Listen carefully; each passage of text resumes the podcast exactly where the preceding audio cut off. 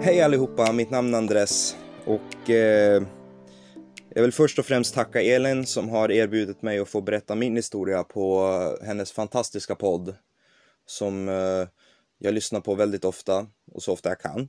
Eh, jag, direkt in, jag har inte lyssnat på alla avsnitt, sorry, men jag ska, jag ska, jag ska göra det. Eh, och eh, ja, som sagt, jag ska berätta om mitt liv. Vissa av er som lyssnar på det här just nu eh, känner mig eller har träffat mig förut.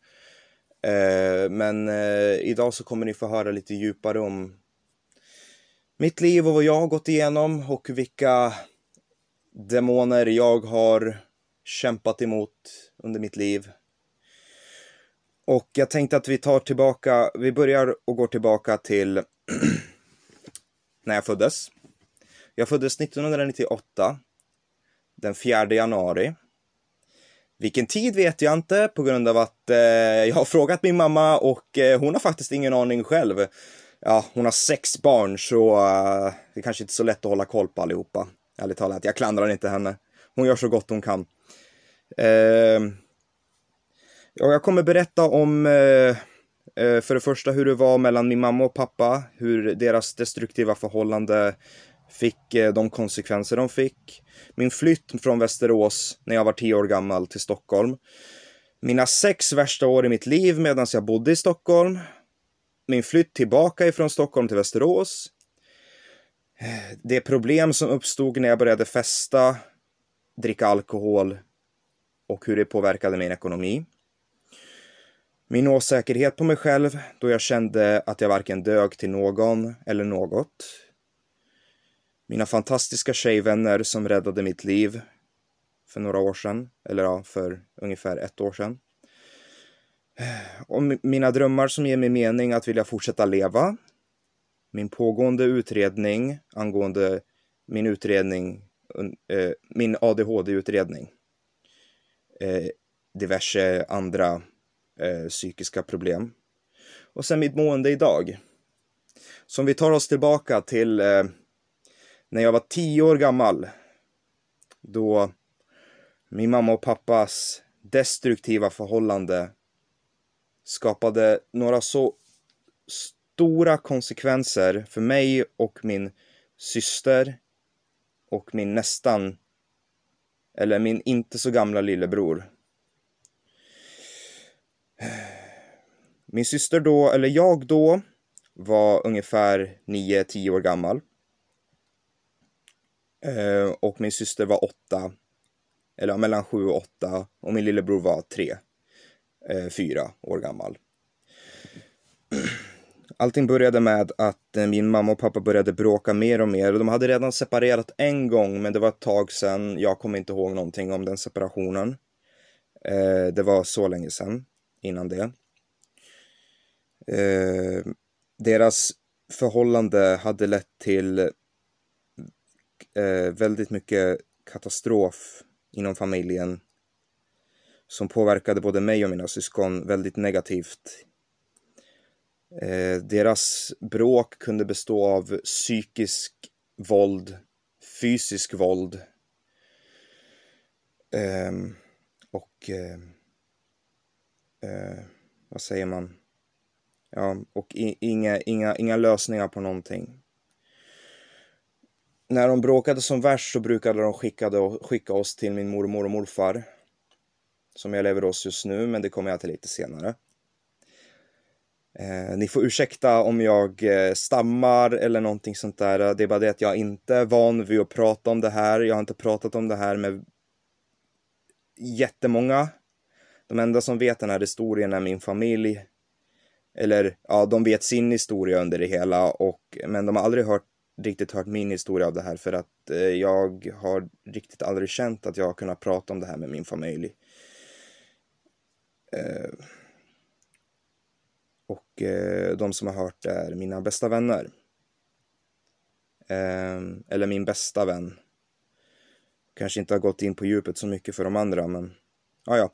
Ni får, eh, ni får stå ut med det. Sorry. Kanske ni inte bryr er om, ni kanske inte dömer mig på det sättet ändå. Och tack i förväg för det. Uh, ja, det, hela den där grejen slutade med att min eh, pappa fick barn bakom min mammas rygg med den kvinna han bor med idag. Vilket är min lillebror idag. Uh, han fick reda på att hon var gravid när han var i Chile på besök. Han, eh, jag vet inte om han hade någon aning om innan, men eh, jag var tio år gammal så jag, jag kommer inte ihåg så mycket från det. Det enda jag vet är att det hände. Det fick min mamma att flytta till Stockholm med en annan man som hon hade träffat och träffat under en viss tid. Jag vet inte hur länge. Det första jag kommer ihåg när jag träffade honom det var att han han fyllde år, nej, jag menar, jag ska, vi firade, vi firade jul. Eh, vi firade jul tillsammans. Det, var, det är det första minnet jag har av honom. Sen ungefär två veckor efter det så bestämde de sig för att vi skulle flytta med dem tillsammans till Stockholm och vi hade ingen aning. Varken jag och mina syskon. Det bara kom som sådär. Sen när vi hamnade i Stockholm så kan man säga att det var där det riktiga helvetet började. Eh, det, det började med att jag, vi, vi hamnade där och vi bodde i en lägenhet som inte var vår, utan vi fick låna den av några som var bortresta. Jag började i skolan där. ja, det första jag hörde var när jag började i min nya klass, det var, no jag hörde någon säga Fan ska en till börja i klassen, vi är redan så många här. Det var ett riktigt eh, hjärtligt välkomnande om man säger så. Jag kände mig riktigt eh, trygg och välkommen. Men det var inget mer med det och sen så varefter åren gick så hade jag alltid känt mig utanför. Förutom en person jag träffade Eh, jag tänker inte säga några namn för att deras namn är inte mitt att berätta när jag berättar den här historien. Eh, det får de göra själva om de bestämmer sig för att komma ut med sin egna historia på ett eller annat sätt. Men jag tänker inte berätta namnen. Jag tänker kanske ge dem något fake-namn eller någonting, men vi får se. De värsta sex åren av mitt liv var ju Stockholm. Just på grund av all mobbning jag fick utstå. Varje dag var det mobbning. Hög, från höger och vänster. Och jag visste inte riktigt varför. Det kan ha varit för att jag inte passade in. Jag inte var som dem. Jag inte lät som dem när jag pratade. Och eh, det tog på mig väldigt hårt. Jag blev väldigt osäker på mig själv. Hade inga vänner, förutom min bästa vän som jag hade där.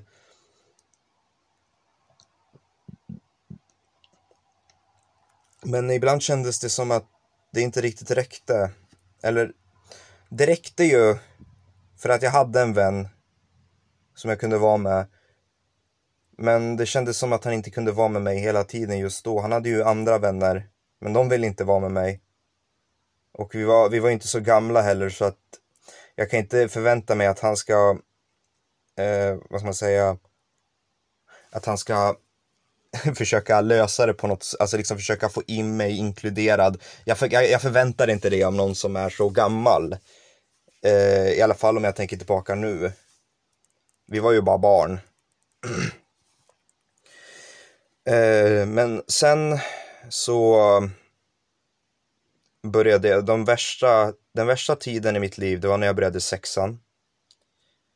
Och jag började på en skola som hette Första Sportskolan. Det var den värsta skolan jag någonsin har gått på i hela mitt liv. Där gick det inte en dag utan att jag blev trakasserad, slagen, spottad på till och med rånad några gånger på mina pengar som jag hade fått av min mamma för att kunna köpa godis i kiosken. Jag vågade inte berätta för de vuxna vad som hade hänt eller vad som hände under den tiden Just på grund av att det skulle bli värre om jag sa någonting. I alla fall vad jag trodde då. Och jag vet att det är många som känner så. Men ungefär ett halvår efter jag hade gått på den där skolan så kände jag att eh, jag vill inte gå kvar här. Jag vill byta skola. Och eh, jag fick inte göra det. I alla fall inte förrän ett halvår efter jag hade kommit ut och sagt det där. Och det fick alla reda på. Alla fick reda på det. Så det var ett halvår av ännu värre trakasserier, våld och psykisk misshandel. Jag tror inte att det var någon i den där skolan som ens såg mig som en person. Som en person helt enkelt. Jag var bara en slagpåse man kunde sparka på. Min vän där, eller som jag trodde han var. Han vände sig emot mig så fort alla gick emot mig. Just för att han inte ville hamna i den där skiten själv. Och då pratade, då pratade, inte jag om min, då pratade inte jag om min vän som jag fick när jag flyttade till Stockholm, utan han och jag har varit vänner i snart 14 år. Fram till idag. Så han har hållit i hårt. Men han gick på en annan skola. Som jag sen bytte till. Uh, och där blev det inte så jättemycket bättre. För att eh, trakasserier, psykisk misshandel. Jag slapp den fysiska misshandeln på den skolan. Men det tog på mig ändå. Och allt det här har fått mig att känna mig mer och mer osäker på mig själv. Att jag varken duger till någon eller något. För att jag fick aldrig någon bra respons. Och de vuxna lades inte i så mycket heller. Jag kan inte klandra dem så jättemycket för att jag berättade inte så mycket, men jag känner ändå att det är en vuxens ansvar. Det är de vuxnas ansvar att se till så att alla mår bra. När man är barn åtminstone. Jag menar, det var inte så jättesvårt att se vilka som kände sig otrygga på den skolan. Jag menar, jag såg det hur enkelt som helst. Men det var, inte, det var inte så att jag vågade prata med någon om det heller. För att jag var så osäker. Jag trodde att alla skulle eh, skulle liksom ha någonting emot mig. Jag hade ju några vänner jag var med, absolut. Det var ju inte så illa. Jag hade ju några, jag var ju med min bästa kompis.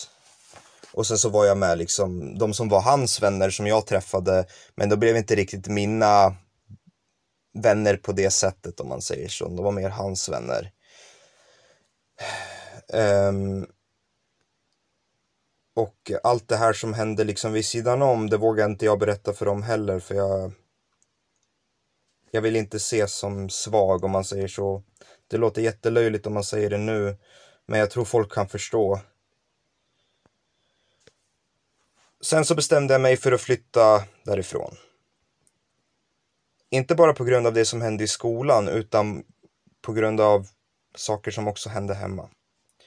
Min nya styvpappa som min mamma hade gift sig med hade ett litet udda sätt att uppfostra barn. Eller ja, jag vet inte. På, på eh, de lite eh, forna tiderna om man säger så var det kanske inte så jätteovanligt att uppfostra sitt barn sådär.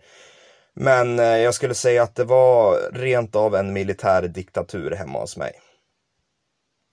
Jag menar, det var, speciellt när man var äldsta barnet också så var det ju mycket värre. Man skulle göra allting, man hade allt ansvar på sig. En väldigt stor press av någon jävla anledning. Jag menar, jag vet inte varför man sätter, man sätter så stor press på, på en tolvåring. Men ja, ja, det, det, det får väl... Det, det, det, det är bara de som vet det. Jag pallade inte med det. Jag pallade inte med eh, hur hur stämningen var hemma. Jag och mina syskon bråkade väldigt mycket. Av små anledningar. Och jag tror seriöst att även fast jag och mina syskon är väldigt olika som personer just nu. så tror jag seriöst att våra bråk när vi var små inte handlade om oss utan handlade om våran omgivning. Vår omgivning var så toxic att det gick ut över oss och vi visste inte varför vi var arga på varandra, ärligt talat. I alla fall så som jag har spekulerat. Så jag bestämde mig för att flytta. Jag sa till min mamma att jag inte ville bo kvar längre. Hon frågade, ja men var ska du ta vägen då? Jag vill bo hos min mormor. Min mormor och morfar då, som inte är riktigt min mormor och morfar utan de, eh, de är mina fostermormor och morfar om man säger så. Min mamma gick till slut med på det efter några möten med socialen. Och när jag sportlovet när jag var 15 år gammal så, be, så begav jag mig tillbaka till Västerås för att påbörja ett nytt liv hos min mormor och morfar.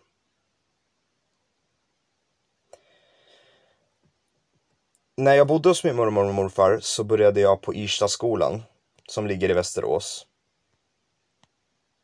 Det var den bästa skolan jag någonsin har gått på i hela mitt liv.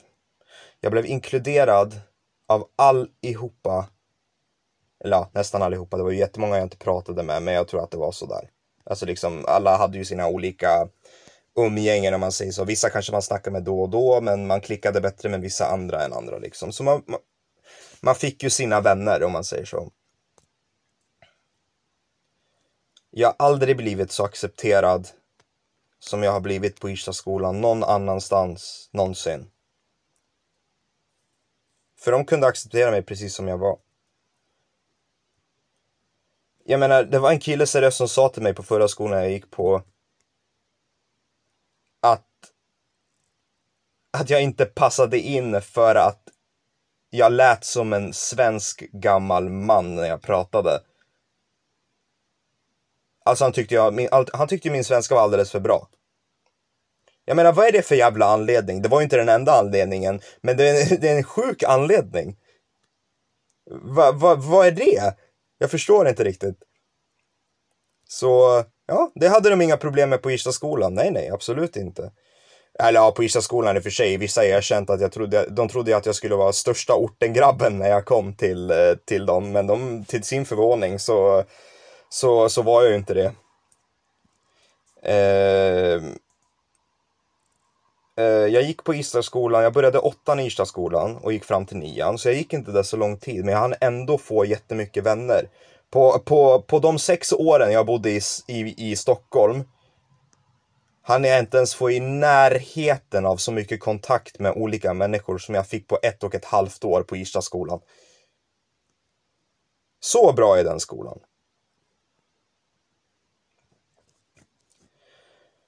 Sen så slutade jag ju mans, eh, högskolan. Jag gick ut med medioker betyg, men det var ju för att, det var för att jag inte, jag inte riktigt satte manken till skolan. Just på grund av mitt mående. Även fast jag hade skaffat massa vänner på Irstadsskolan så hade ju mitt mående inte riktigt förbättrats just på grund av all trauma jag hade fått utstå i, i Stockholm. Den största trauma jag någonsin har upplevt och som har präglat den personen jag är idag. Speciellt min respekt för kvinnor. Är en händelse som jag tänker dela med mig av just nu. Jag var, nej, det här var fortfarande när jag bodde i Stockholm. Jag, bodde i, jag, jag var ute och spelade fotboll med några jag hade hittat eh, på fotbollsplanen nära där jag bodde. Det var inga jag kände sen innan utan det var liksom bara hoppa in och köra. Liksom, Tja, får jag vara med och spela match? Och de sa ja, absolut. Du kan vara i det laget. Och så spelade vi. Det var sommar. Sen slog klockan 11. Eller nej, vänta, 10 ungefär. För jag tror att stycken som jag kommer till sen ska stängda elva. Ja, men 10 ungefär. 9-10.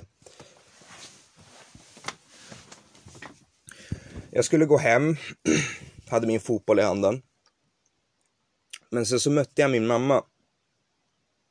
Hon skulle gå till en matbutik som heter Pris Extra och eh, handla mat. eller någonting, kvällsmat, eller någonting att äta. Så jag, bara, så jag så bestämde mig för att följa med henne.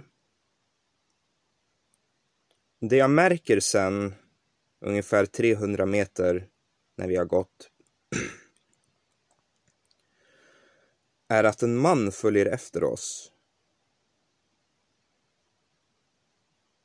Jag ser han komma närmare och närmare i min ögonvrå. Jag ser inte hur han ser ut, jag ser bara hans fötter. Jag säger till min mamma på spanska. Mamma, jag tror att det är någon som följer efter oss. Min mamma blir rädd. Hon vågar inte kolla bak. Vi börjar gå fortare. Mannen börjar gå fortare.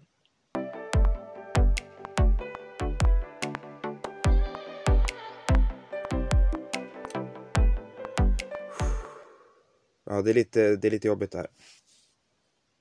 Ja, mannen börjar gå fortare. Och vi viker undan. Det fanns en mack precis bredvid butiken vi var vid. Så vi viker ner, går ner för diket och går in på macken. Vi kollar bak och ser att han är på väg till butiken och vi tänker okej, okay, vi har missförstått hela situationen. Och han ska bara handla. Han har bara råkat gå väldigt nära oss. Han kanske inte ens har tänkt på det. Så började vi spekulera tills han drog en U-sväng och följde oss in på macken.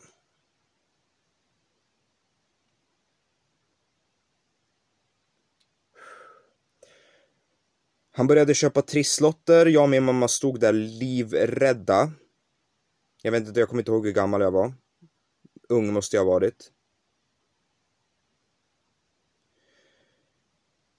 Vi börjar prata med han som står i kassan. Han frågar om han ska ringa polisen. Min mamma säger, jag vet inte. Hon var alldeles för rädd för att ta några beslut. Hon visste inte vad hon skulle göra. I eftertanke så skulle vi ha ringt polisen på en gång. Men istället ringer min mamma min styvpappa. Han är på väg hem från jobbet. Han sitter på tunnelbanan. Min, min, mamma säger, min mamma berättar vad det är som har hänt. Om min styvpappa säger att vi inte ska röra oss ur fläcken och stanna kvar där tills han kommer dit.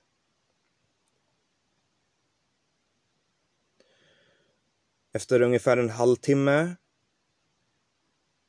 så har han fortsatt att köpa trisslott efter trisslott efter trisslott. Håller på och skrapar, skrapar, skrapar. Han lämnar inte macken. Jag och min mamma, går, jag och min mamma ser utanför mackens fönster att min styvpappa är på väg. Vi springer ut så fort vi kan. Min mamma kramar om min styvpappa så hårt hon bara kan. Det jag ser bakom mig är att mannen slutar skrapa trisslotter och börjar följa efter oss. Så fort han ser min styrpappa springer han åt andra hållet. Jag och min mamma, eller min, papp, min styrpappa säger stanna kvar här eller gå till butiken så börjar min pappa springa efter honom.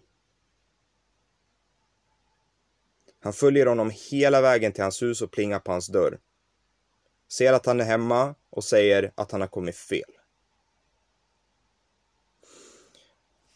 Anledningen till att det här är det mest traumatiska i mitt liv och att det andra kanske skulle ha andra åsikter om vad som är traumatiskt, mest traumatiskt i mitt liv. Men varför just jag känner att det här är det mest traumatiska i mitt liv är för att fatta vad som hade kunnat hända om inte jag hade mött min mamma. Jag har inte slutat tänka på det än idag. Vad hade kunnat hänt om inte jag hade mött min mamma? Om inte jag hade sett att den där mannen hade följt efter henne. Vem vet hur länge?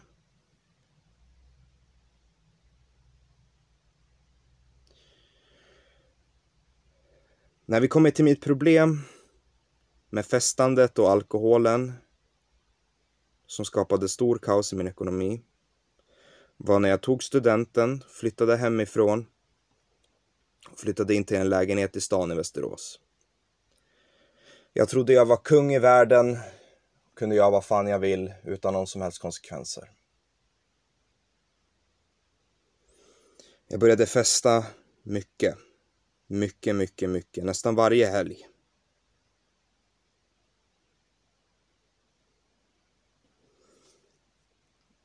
Och började dricka mer och mer och mer. Tills, tills jag kom till en, till en punkt i mitt liv där jag inte kunde ha någon som helst roligt utan en droppe alkohol i blodet.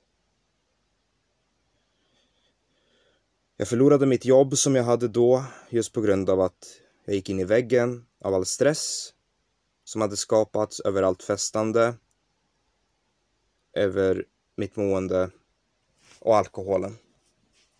Jag försov mig, kom sent till jobbet, fick panikångestattacker på jobbet. Jag blev sjukskriven i två veckor. Strax efter det förlorade jag jobbet.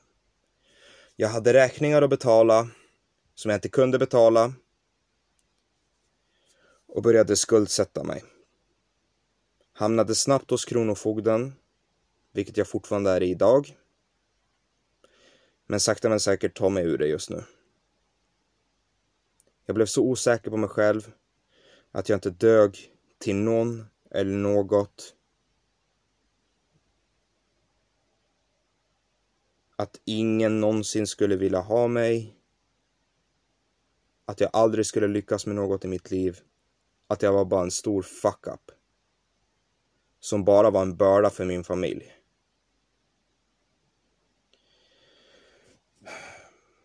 Det var efter det, ingen vet om det här. Absolut ingen. Det var efter det självmordstankarna började komma. Så enkelt. Så enkelt att bara göra slut på det. Bara så enkelt att bara ta slut på allting. Ta slut på allas lidande för min skull. Sluta vara en börda för allihopa. Det var så jag tänkte. Det var nästan så att jag hade bestämt mig för vilken dag jag skulle göra det. Hur vet jag inte, men det skulle ske.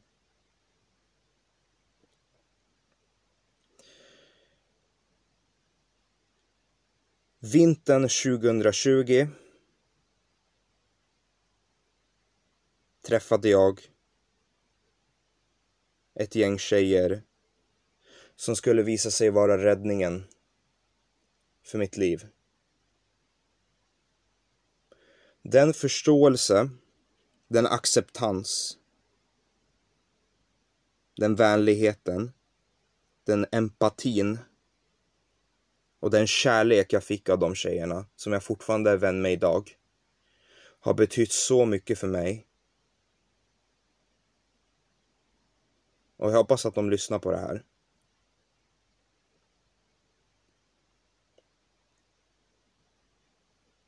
Ni räddade mitt liv. Ni fick mig att se hopp i att leva. Det, fick, det väckte drömmar i mig som som, som jag aldrig hade haft innan och gav mig mening att fortsätta leva. Och om ni lyssnar på det här så vet ni, så vet ni vilka ni är.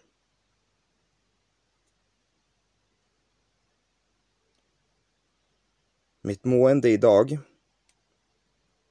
är helt okej. Okay. Jag är inte riktigt helt återställd. Men jag har börjat göra mitt bästa. Jag har ett jobb. Jag håller på att betala av alla mina skulder. Och jag har fått en ny lägenhet på Bäckby. Som jag flyttar in i första juli. Just nu bor jag i en husvagn som jag har bott i sedan förra vintern. Eller sen, nej jag menar sedan förra hösten. Och det har varit en utmaning. Jag har försökt klämma in så mycket som det går just nu. Och om ni vill veta mer, hör gärna av er på Facebook, skriv till mig på Instagram, vart som helst där ni har mig eller vart ni kan hitta mig.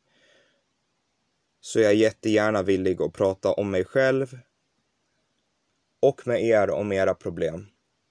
och hjärnspöken, vad som helst.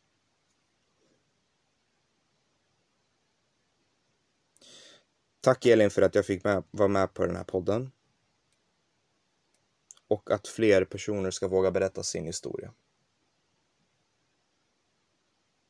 I alla fall en liten del av den.